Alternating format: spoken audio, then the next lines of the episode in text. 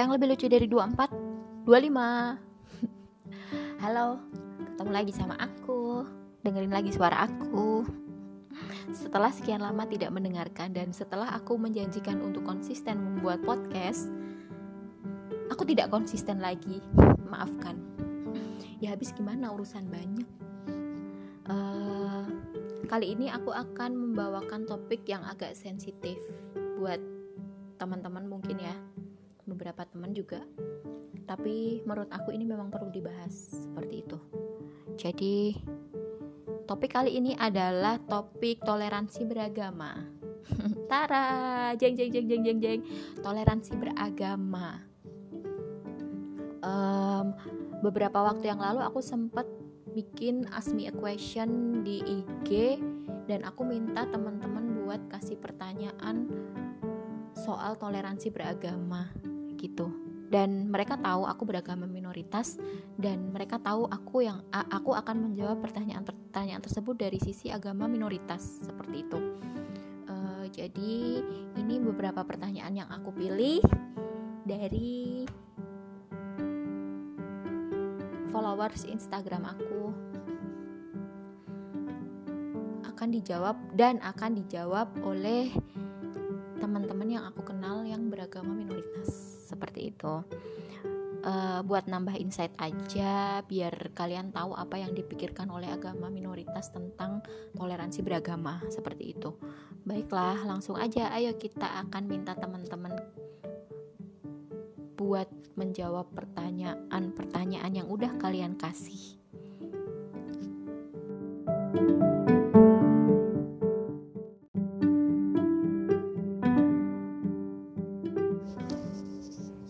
Oke, sebelumnya let them introduce themselves. Silakan.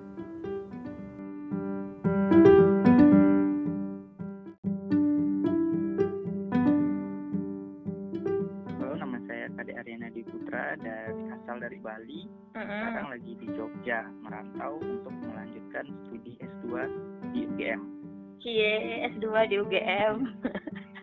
iya dong. Um, agamamu apa? Agamaku Hindu. Baik.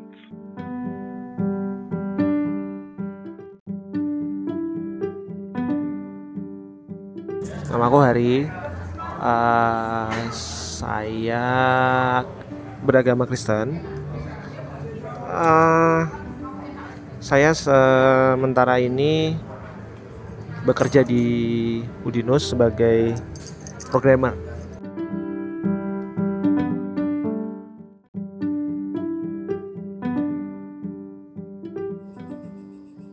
Sendiri apakah aku masih perlu kenalan?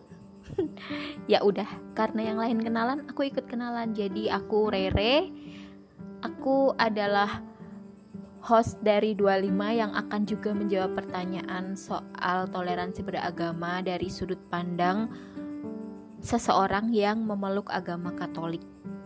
Gitu.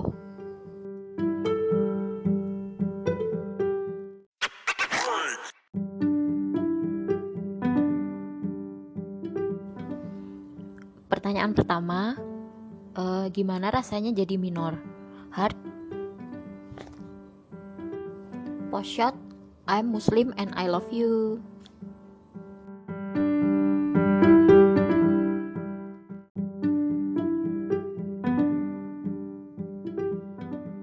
Jadi kalau dibilang bagaimana rasanya jadi minoritas aku sebelumnya di Bali itu jadi mayoritas malahan jadi aku nggak pernah merasakan apa yang jadi minoritas tapi untuk di Bali tapi setelah aku pindah ke Jogja itu udah mencari orang yang satu agama itu untuk di misalnya diajak ibadah itu awal-awal itu hmm? susah hmm. apalagi nyari tempat ibadah kemarin awal-awal itu aku ke tempat ibadah itu jauh sekitar 30 uh, menit jadi untuk apa ya untuk susahnya itu di dari sisi uh, nyari tempat ibadah terus mm. uh, kenalan uh, Hindu mungkin biar nanti ibadah bareng atau yang lain. Itu tapi untuk pas saat di Bali itu nggak ngerasain jadi minoritas malah kita merasa jadi mayoritas.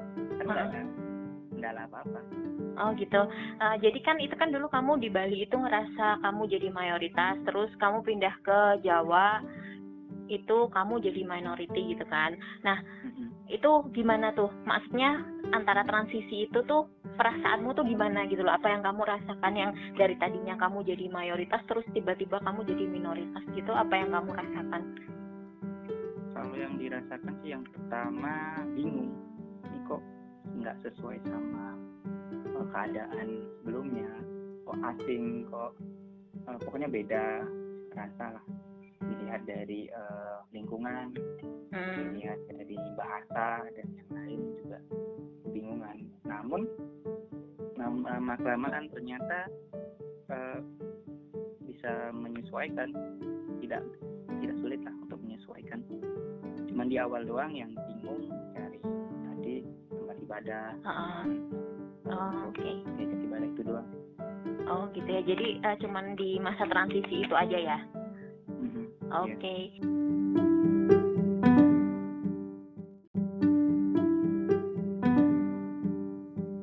Eh, enggak sih, biasa aja soalnya eh, di keluarga saya sendiri itu itu sudah ini ya, udah apa namanya?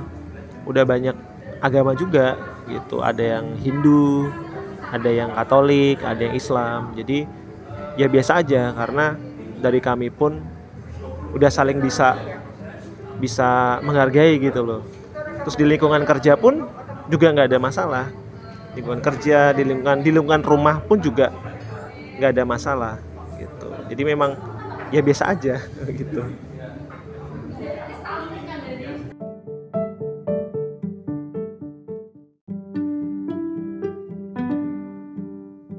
Aduh, I love you too. Aku suka banget denger kayak gini nih, adem.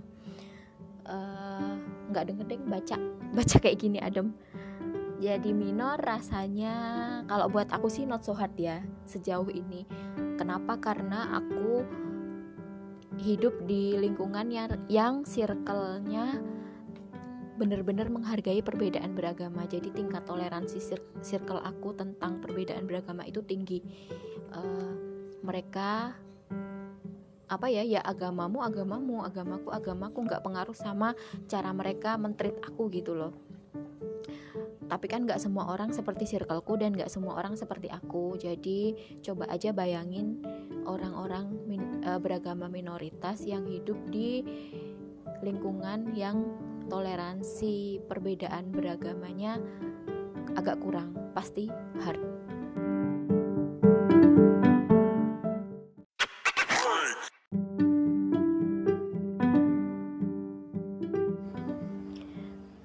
kedua, pernah diledekin nggak sih sama teman-teman yang dianggapnya mereka bercandaan padahal itu topik sensitif di agama kamu?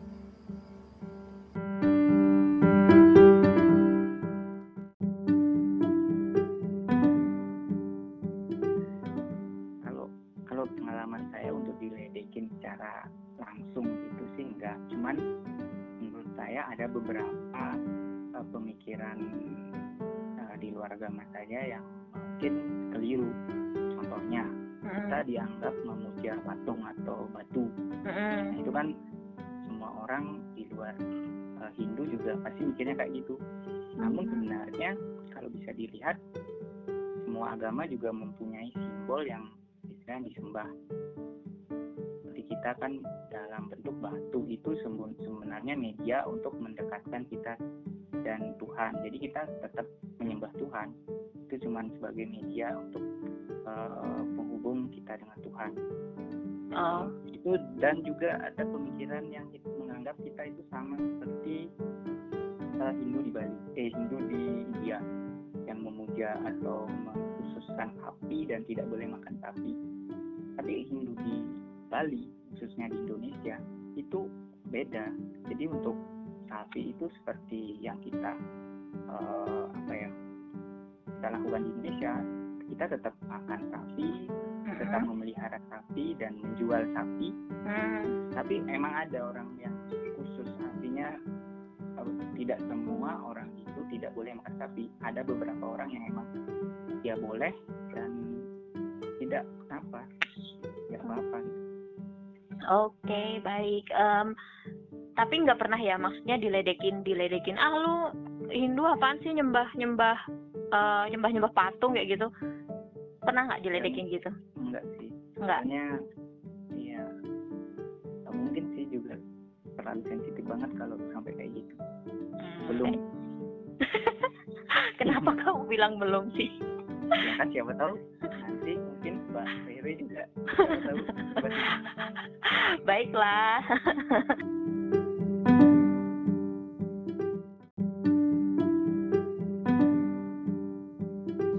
Eh, kita lihat dulu. Maksudnya topik sensitif di Katolik itu yang kayak gimana? Kan sensitif itu kan tergantung penilaian masing-masing individu ya. Kalau aku sih eh, jarang banget nemu temen yang ngeledekin aku soal topik sensitif di Katolik. Kalau topik sensitif aku juga nggak ada yang menganggap eh, aku sendiri pun nggak ada menganggap Katolik itu sensitif. Ada topik sensitif gitu nggak ada. Kayak gitu. Jadi eh, mereka bercanda bercanda dark joke oke. Tapi aku nggak menganggap itu hal sensitif kayak gitu. Jadi kayak ya udah bercanda aja kayak gitu. Eh, iya sih lagian kalau bercanda itu kan tergantung yang nanggepin kan. Yang menanggapi bagaimana kayak gitu.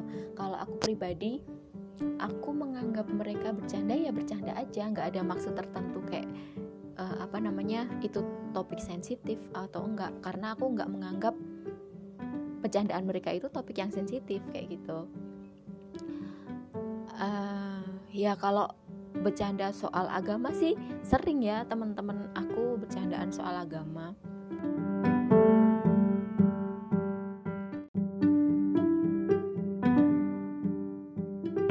pernah dulu tapi waktu masih kecil ya masih SD Eh, tapi itu nggak yang menyakiti banget itu tuh enggak cuman merasa kayak loh kok aku diginiin gitu. Padahal ya waktu itu aku sekolahnya di sekolah Kristen. Teman-teman yang ngece itu agama Islam tapi sekolah di sekolah Kristen gitu. Cuman mereka sering bercandaan gitu kan. Tapi ya udah nggak apa-apa.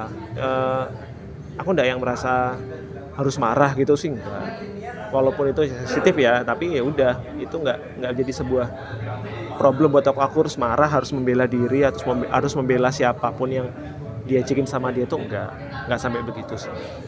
Nah kalau udah udah besar gini udah dewasa ya kalau dibecandain soal itu ya nggak apa-apa juga. Maksudnya eh, itu tanggap sebagai sebuah ini ya ya sebuah benar-benar sebuah joke bukan sebuah penghinaan gitu karena aku pun juga sering sering me- apa ya mengangkat joke soal agama lain gitu tapi yang bukan bukan yang bukan isu sensitifnya gitu tapi memang joke-nya gitu ya, jadi ya udah biasa aja gitu sih berarti kalian niatnya ya Ha, tinggal niatnya aja. Eh, kalau niatnya memang dia ngejek, iya sudah sih nggak apa-apa lah. Mau gimana gitu loh. Kita mau membela apa sih?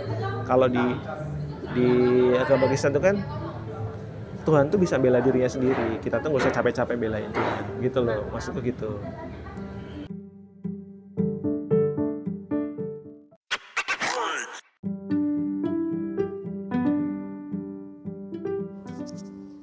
Ketiga, menurutmu negara kita mendiskreditkan agama minoritas nggak? Simpelnya beda perlakuan nggak dengan yang mayoritas?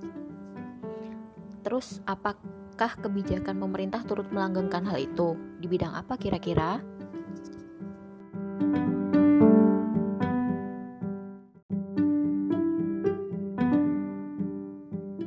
Kalau ngomongin soal negara, aku bilang iya.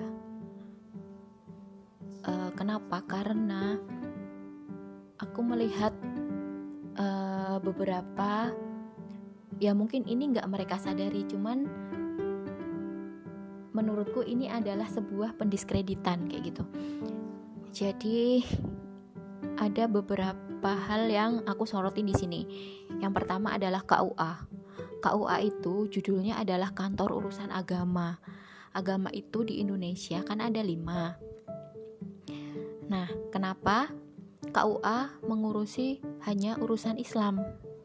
Kayak gitu. Eh, coba kita lihat dari tugas-tugasnya KUA. Maksudnya apa apa aja yang mereka urusin deh KUA KUA itu kan melakukan uh, pelayanan pengawasan pencatatan sama pelaporan nikah nikah dan rujuk. Tapi nikah yang diurusin KUA nikah apa? Nikah Islam kan? Terus uh, pengelolaan dokumentasi dan sistem informasi manajemen KUA di kecamatan. Terus pelayanan bimbingan keluarga sakinah. Pelayanan bimbingan keluarga sakinah. Di Katolik bahkan gak ada istilah keluarga sakinah gitu loh. Mungkin maksudnya sama-sama keluarga yang bahagia harmonis tapi istilah itu cuma dipakai di Islam. Gitu. Jadi menurut aku dia cuma melayani bimbingan keluarga sakinah yang menurut Islam. Karena sakinah pun istilah istilah Islam kan. Terus uh, pelayanan bimbingan kemasjidan. Udah jelas itu agama apa. Pelayanan bimbingan hisap rukyat dan pembinaan syariah. Men aku aja nggak ngerti arti hisap rukyat itu apa. Gitu loh. Terus pelayanan bimbingan dan penerangan agama Islam. Ya kan? Udah jelas. Pelayanan bimbingan zakat dan wakaf uh, kalau mau seperti itu mendingan namanya diganti KUI kantor urusan Islam gitu. Karena kenapa? Karena secara tidak sadar kan nama kantor urusan agama itu mendiskreditkan empat agama yang lain gitu. Jadi kalau mau ngurusin itu semua mendingan ganti aja namanya jadi KUI kantor urusan Islam gitu uh, itu yang pertama Terus yang kedua adalah soal SKB 2 Menteri. SKB 2 Menteri yang pasal berapa itu ya? Aku lupa 14 kalau nggak salah. Pasal 14 yang soal pendirian rumah ibadat. Itu di situ dikatakan kalau pendirian rumah ibadat itu harus memenuhi persyaratan khusus. Yakni daftar nama dan KTP pengguna rumah ibadat paling sedikit 90 orang. Men, lu kalau di agama minoritas belum tentu ada 90 orang gitu loh. Di situ. Kayak kasus uh, kayak kasus kemarin yang di Sigi. Di Sigi itu dia berapa sih uh, apa umatnya di situ? Masyarakat yang beragama uh, Kristen di situ ada berapa yang ke gereja situ itu? Nggak sampai 90 men uh, makanya ada yang bilang itu bukan gereja. Ya iya kalau menurut SKB 2 Menteri itu bukan gereja, tapi menurut kami beberapa orang berkumpul dalam nama Tuhan Yesus itu sudah merupakan gereja gitu. Jadi itu istilah yang uh, pemahamannya berbeda antara kalian dengan kami gitu. Jadi yang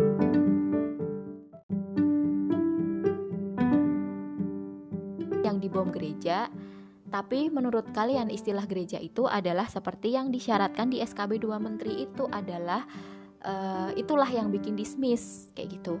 Nah, harusnya kalau mau mau merangkul semua agama hapuslah ini SKB 2 Menteri pasal 14. Karena apa? Agama minoritas itu belum tentu ada 90 di satu daerah yang menggunakan gereja gitu loh yang beribadah di gereja kayak gitu. Belum ada 90 lagian 90 ini angka dari mana? 90 halo.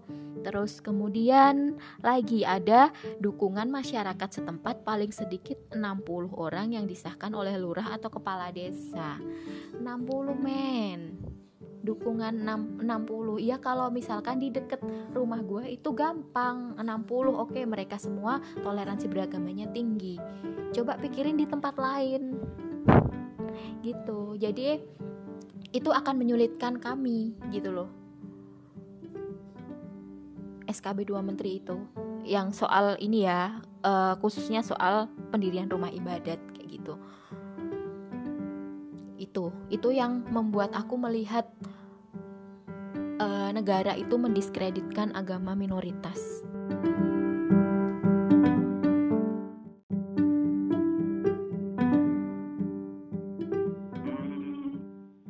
Karena aku baru beberapa tahun di Jawa, kalau di Bali itu menurutku sama aja sih semua perlakuan itu sama untuk semua agama Mm-mm. namun saat aku di Jogja sebagai contoh ada eh, ini lowongan pekerjaan karena Mm. u- udah mengkhususkan agama tertentu yang boleh eh, mengikuti lowongan gitu Mm-mm. padahal kalau di Bali itu nggak boleh kalau ada perusahaan ataupun tempat usaha yang menyebutkan suatu agama itu malah pemerintah yang bertindak menutup usaha tersebut sebenarnya nggak kalau agama apa pun harus bisa me- memiliki kesempatan untuk mendapatkan pekerjaan tersebut. Dan contoh kedua kos-kosan. Ah, ada oh, pokoknya khusus eh, agama tertentu gitu. Nah, sebenarnya itu juga termasuk diskriminasi sih. Tapi kan sebenarnya eh, itu juga tergantung pemilik eh, perkosan cuman kan seharusnya itu nggak diskriminasi itu Iya. menurutku Eh, kamu pernah dapat kos-kosan yang menolak kamu gitu? aku lihat dari depannya sih kalau udah ada tulisan yang kayak gitu ya nggak tanya Oh gitu. langsung aja gitu, gitu. Oke, oh, Ri- terus eh, Rili yang yang tadi di Bali itu emang bener ya maksudnya eh, kalau misalnya ada yang khusus agama ini gitu, itu bakal di apa maksudnya diberhentikan sama pemerintah kayak Iya. gitu perusahaannya. udah jadi contohnya ya. Oh. ada perusahaan ada kualifikasi umur sekian bla bla bla bla anggap terus ada eh, men- menyebutkan agama A Mm-mm. itu kan jadi viral nih banyak yang Hmm. tahu Mm-mm. pemerintah langsung turun tangan menutup eh, ini eh, perusahaan atau usaha itu Oh Itu mantap udah- sekali. aku dengar ya Oh. soalnya gimana ya apa sih hubungannya agama dengan pekerjaan? Ya mungkin nggak tahu sih aku masih belum tahu apa hubungannya. Harus eh, itu malahan perusahaan yang umum nggak nggak menyangkut keagamaan. Mm-mm. kalau kantor agama mungkin ya mungkin ada hubungannya dengan agama. Tapi kalau perusahaan yang mungkin kayak percetakan dan segala macam itu apa apakah harus agama tertentu gitu loh modelnya. Oh iya iya iya, Ya, I see. itulah. Kalau menurutku sih harusnya semua agama punya kesempatan mendapatkan pekerjaan di suatu perusahaan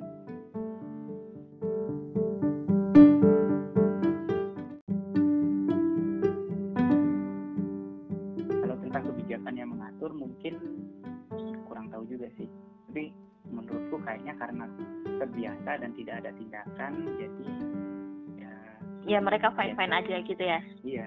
Ah, udah dianggap biasa kayak gitu.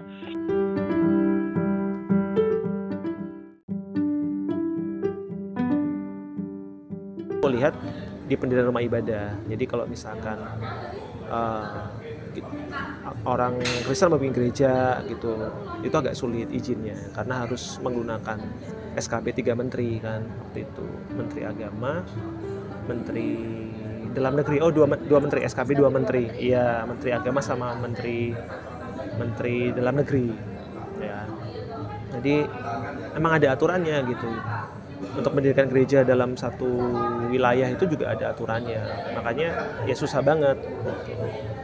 Eh, itu yang menjadi kendala sih. Kadang kan kalau ada kalau ada misalkan ada ibadah di satu tempat misalkan di rumah gitu.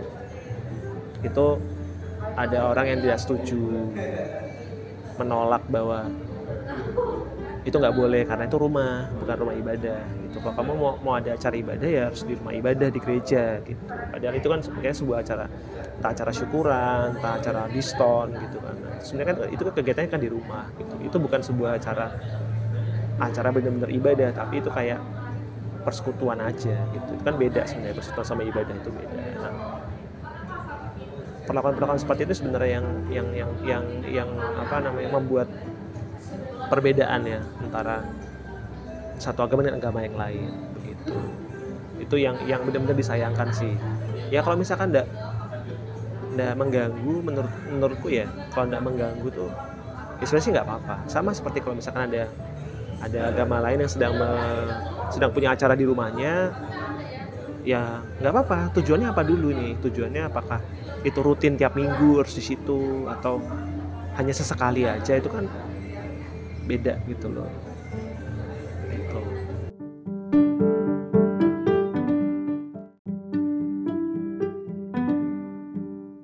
Iya, kalau misalkan pemerintah itu memang memang me- mengakui semua agama, ya memang harusnya SKB 2 Menteri itu udah nggak ada.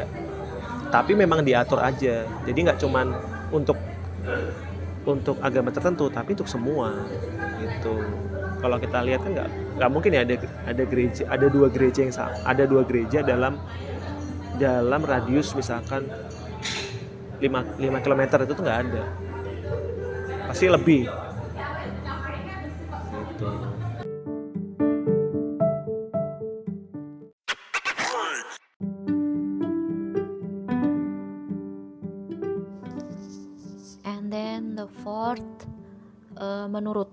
Gimana seharusnya agama mayoritas bersikap atas agama minoritas di Indonesia? Dan kira-kira apakah itu sudah tercapai sejauh ini?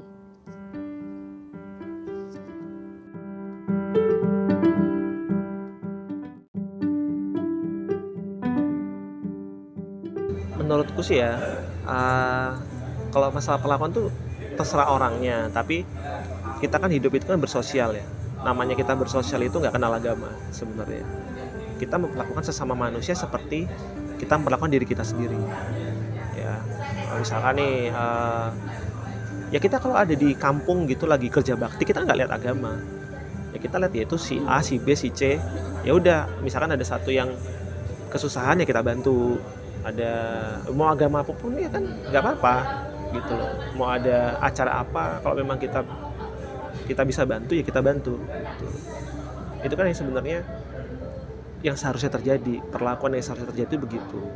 Nah kalau misalkan soal masalah ibadah ya ya balik lagi kalau memang tujuannya jelas memang eh, apa namanya tidak mengganggu warga ya menurut menurutku sih fine fine aja gitu loh. Atau dilakukan sebuah acara kegiatan keagamaan yang bukan bukan ibadah gitu loh yang persekutuan aja gitu. Ya kayak tadi syukuran syukuran rumah atau syukuran punya anak itu kan boleh nggak masalah kayak gitu. Kalau misalnya dalam satu kampung isinya muslim semua. Ya itu kan memang kebijakan kan kebijakan dari warga warga sendiri. Kita sebagai orang yang pendatang ya kebetulan agamanya beda ya kita harus ini dong maksudnya harus ikut aturan yang ada di situ gitu. Jadi bukan kita harus loh kok aku nggak boleh gitu. Ya memang itu warga situ yang punya aturan. Ya kita sebagai pendatang ya ikut aja dong. Kalau memang nggak bisa ya udah nggak apa-apa. Kita cari tempat lain atau bikin bikin bikin acaranya di gereja aja persekutuannya di gereja aja kayak gitu. Itu sih menurutku. Yang menurutku yang terjadi selama ini sih eh, ya udah sah-sah aja ya. Kalau dari lingkungan keluarga aku ya lingkungan keluarga di di lingkungan rumah juga itu udah sah-sah aja. Cuman kalau yang terjadi kalau misalnya sampai ada pembubaran itu yang sebenarnya disayangkan. Gitu. Ada orang lagi beribadah kok dibubarkan. Atau lagi lagi orang lagi beribadah di diusik atau dibom. Gitu. Atau di ya itu karena itu sebenarnya beragama itu sebenarnya dari hati ya. Kita mengenal Tuhan itu kan dari hati ya. Istilahnya kalau memang kamu mengimani itu sebagai Tuhan ya sudah imani aja. Kita nggak perlu mengusik imannya. Kalau di agama Kristen itu banyak doktrin ya. Doktrin itu tuh nggak bisa didebatkan. Namanya doktrin loh doktrin itu nggak bisa diperdebatkan. Kita mau gontok-gontokan sesama Kristen alirannya beda udah nggak bisa. Namanya doktrin. Kalau tapi kalau secara beribadahnya kan sama tetepan gitu loh. Ya itu sih. Aku nggak bisa aku nggak bisa memperdebatkan soal keyakinan. Ya memang kamu yakin itu ya sudah. Gitu.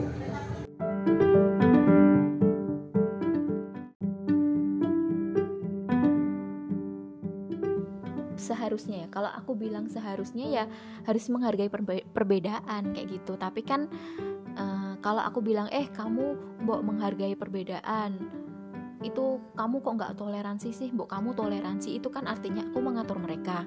Aku nggak bisa melakukan itu kayak gitu. Kalau memang uh, apa ya toleransi itu kan harus berasal dari diri sendiri dan aku nggak bisa mengatur orang untuk menumbuhkan rasa toleransi gitu loh. Gitu. dia sendiri yang harus menumbuhkan rasa toleransi dengan didukung oleh masyarakat sekitar dan pendidikan dari negara dan masyarakat sekitarnya kayak gitu. Uh, kalau aku bilang seharusnya ya ideal-idealan aja sih kayak gitu.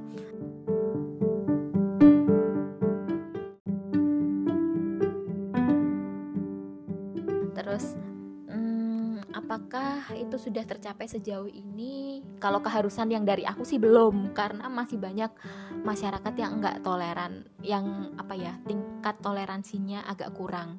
Ya kurang lah enggak agak kurang.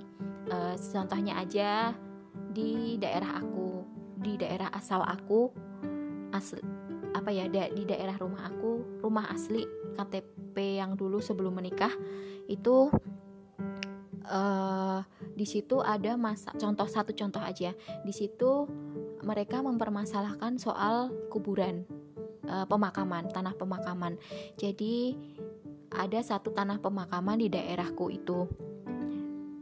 Dan menurut mereka mereka baru aja menciptakan peraturan kayak gini. Jadi masyarakat non muslim boleh boleh uh, memakamkan orang di pema, boleh memakamkan jasad di pemakaman tersebut hanya tidak boleh menunjukkan identitas agama. Jadi kalau biasanya kan di pemakaman kami itu kan ada simbol salibnya. Nah, ini tuh nggak boleh di situ gitu. Uh, ya, yang Muslim juga nggak boleh menunjukkan identitas agamanya. Memang memang uh, rata sih, tapi menurut mereka itu toleransi beragama. Tapi menurut aku itu enggak. Kalau memang mereka toleransi, silahkan kalian menunjukkan agama identitas agama masing-masing untuk dipasang di pemakaman ini gitu gitu. Jadi uh, seolah-olah mereka itu menunjukkan toleransi, tapi arti sebenarnya toleransi itu bukan penekanan terhadap identitas agama, bukan penyembunyian identitas agama, tapi menghargai identitas agama lain. Seperti itu. And then itu sih salah satunya yang aku bilang kenapa belum tercapai orang penyebutan muslim dan non muslim aja itu termasuk mendiskreditkan karena apa karena kayak muslim dan non muslim kalian nggak menyebutkan Kristen Katolik Hindu Buddha kayak gitu. Adanya muslim sama non muslim jadi kami ini Kristen Katolik Hindu Buddha ini termasuk non muslim kayak oposisi biner gitu loh. Jadi kalau nggak muslim ya non muslim, bukan kalau nggak muslim ya Katolik Kristen. Padahal yang disahkan Katolik Kristen Hindu Buddha. Itu. Itu kalau menurut aku. Uh, jadi jelas belum tercapai sejauh ini.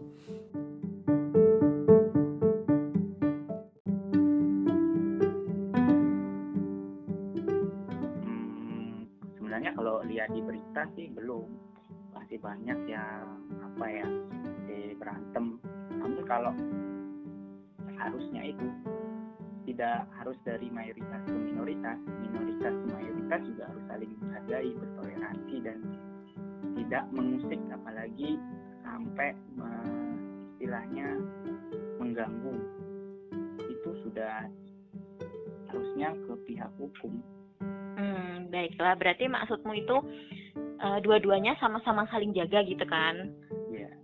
Oke. Okay.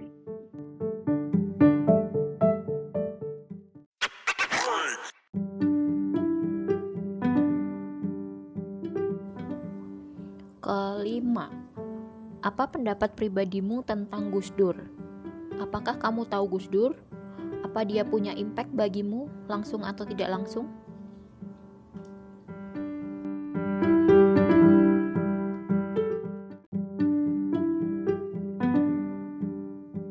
Ya, Gus Dur itu ya menurutku adalah orang yang benar-benar tingkat agamanya itu udah paling levelnya paling atas lah Kenapa aku bilang begitu? Karena kita lihat nih, dulu tuh nggak ada yang namanya ibadah, eh nggak ibadah lagi, hari raya Imlek itu nggak ada.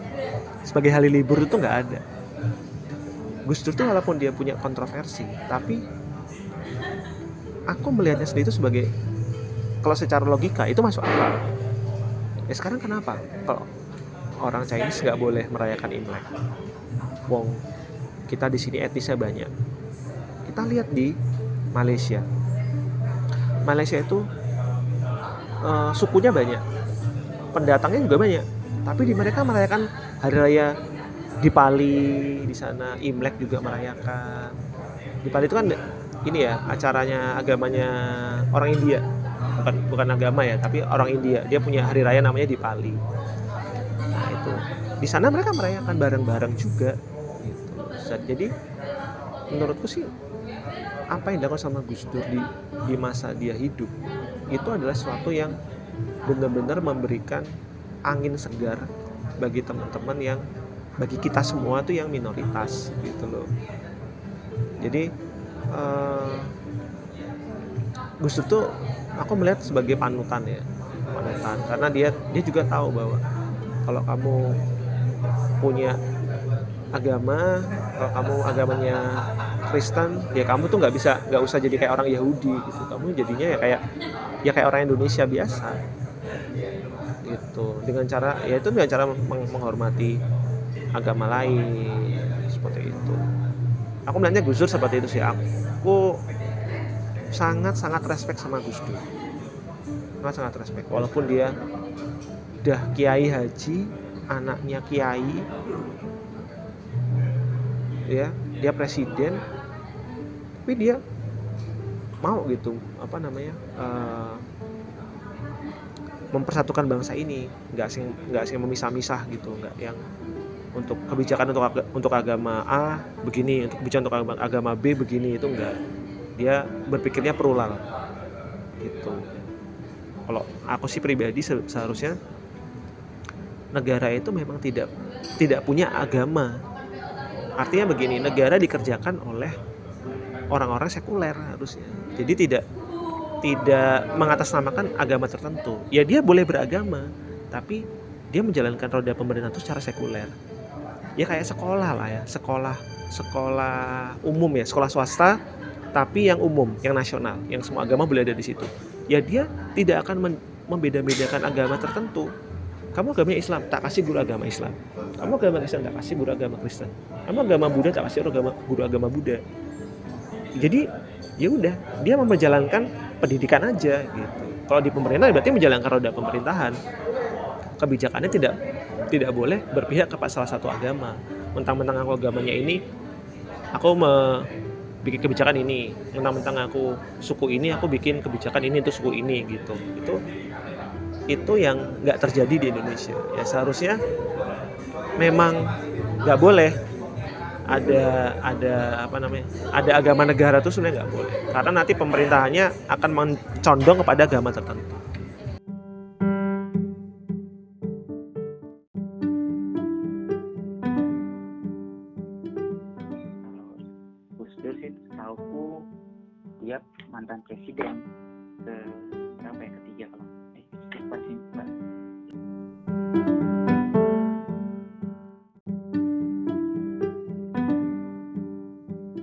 Kalau Gus Dur jujur aku belum terlalu kenal sosoknya, cuman aku tahu gaung gaungnya dari pengikut-pengikutnya. Jadi um, Gus Dur itu adalah sosok public figure public figure muslim yang paling toleran yang aku tahu karena uh, banyak banyak akun Instagram banyak akun sosial media yang menggaungkan toleransi beragama itu mereka akan mengangkat nama Gus Dur. Seperti itu. Tapi untuk untuk detail secara detail kehidupan Gus Dur itu aku belum belum terlalu kenal ya. Maksudnya belum terlalu aku pelajarin. Kayak gitu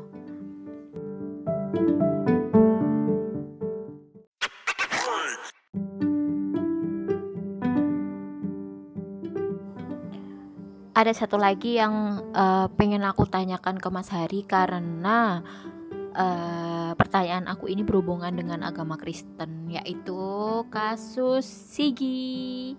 Gimana pendapat Mas Hari soal kasus Sigi? Pendapat pribadi Mas Hari.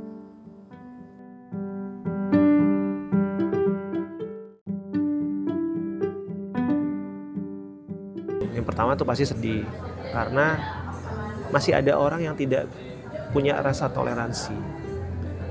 Ya tidak bisa melihat orang yang agamanya beda sama dia. Tidak bisa melihat yang keyakinannya beda sama dia. Tidak bisa melihat orang yang pendapatnya beda sama dia. Aku sedih ya yang pertama. Yang kedua ya kasihan sama keluarga yang ditinggalin. Karena itu meninggal dengan cara yang sadis gitu loh. Dengan cara yang sadis. Ah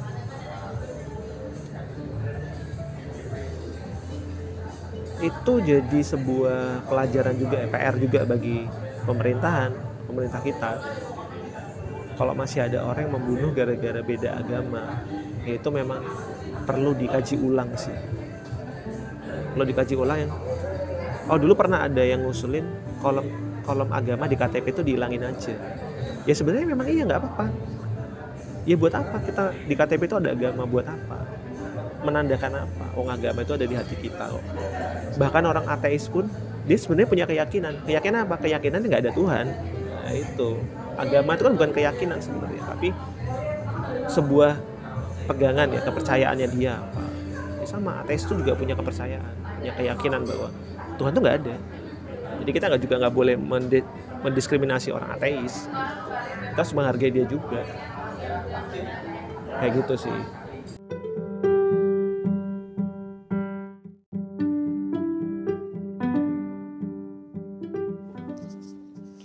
Tadi jawaban dari teman-teman yang memeluk agama minoritas di Indonesia, termasuk aku. Dan semoga itu bisa jadi jawaban-jawaban kami bisa jadi insight buat teman-teman. Aku nggak akan memberikan kesimpulan apa pun. Kesimpulan akan aku kembalikan kepada kalian. Seperti itu. Oke, selamat melakukan aktivitas apa pun dan terima kasih sudah mendengarkan 25. Kita ketemu di next topik.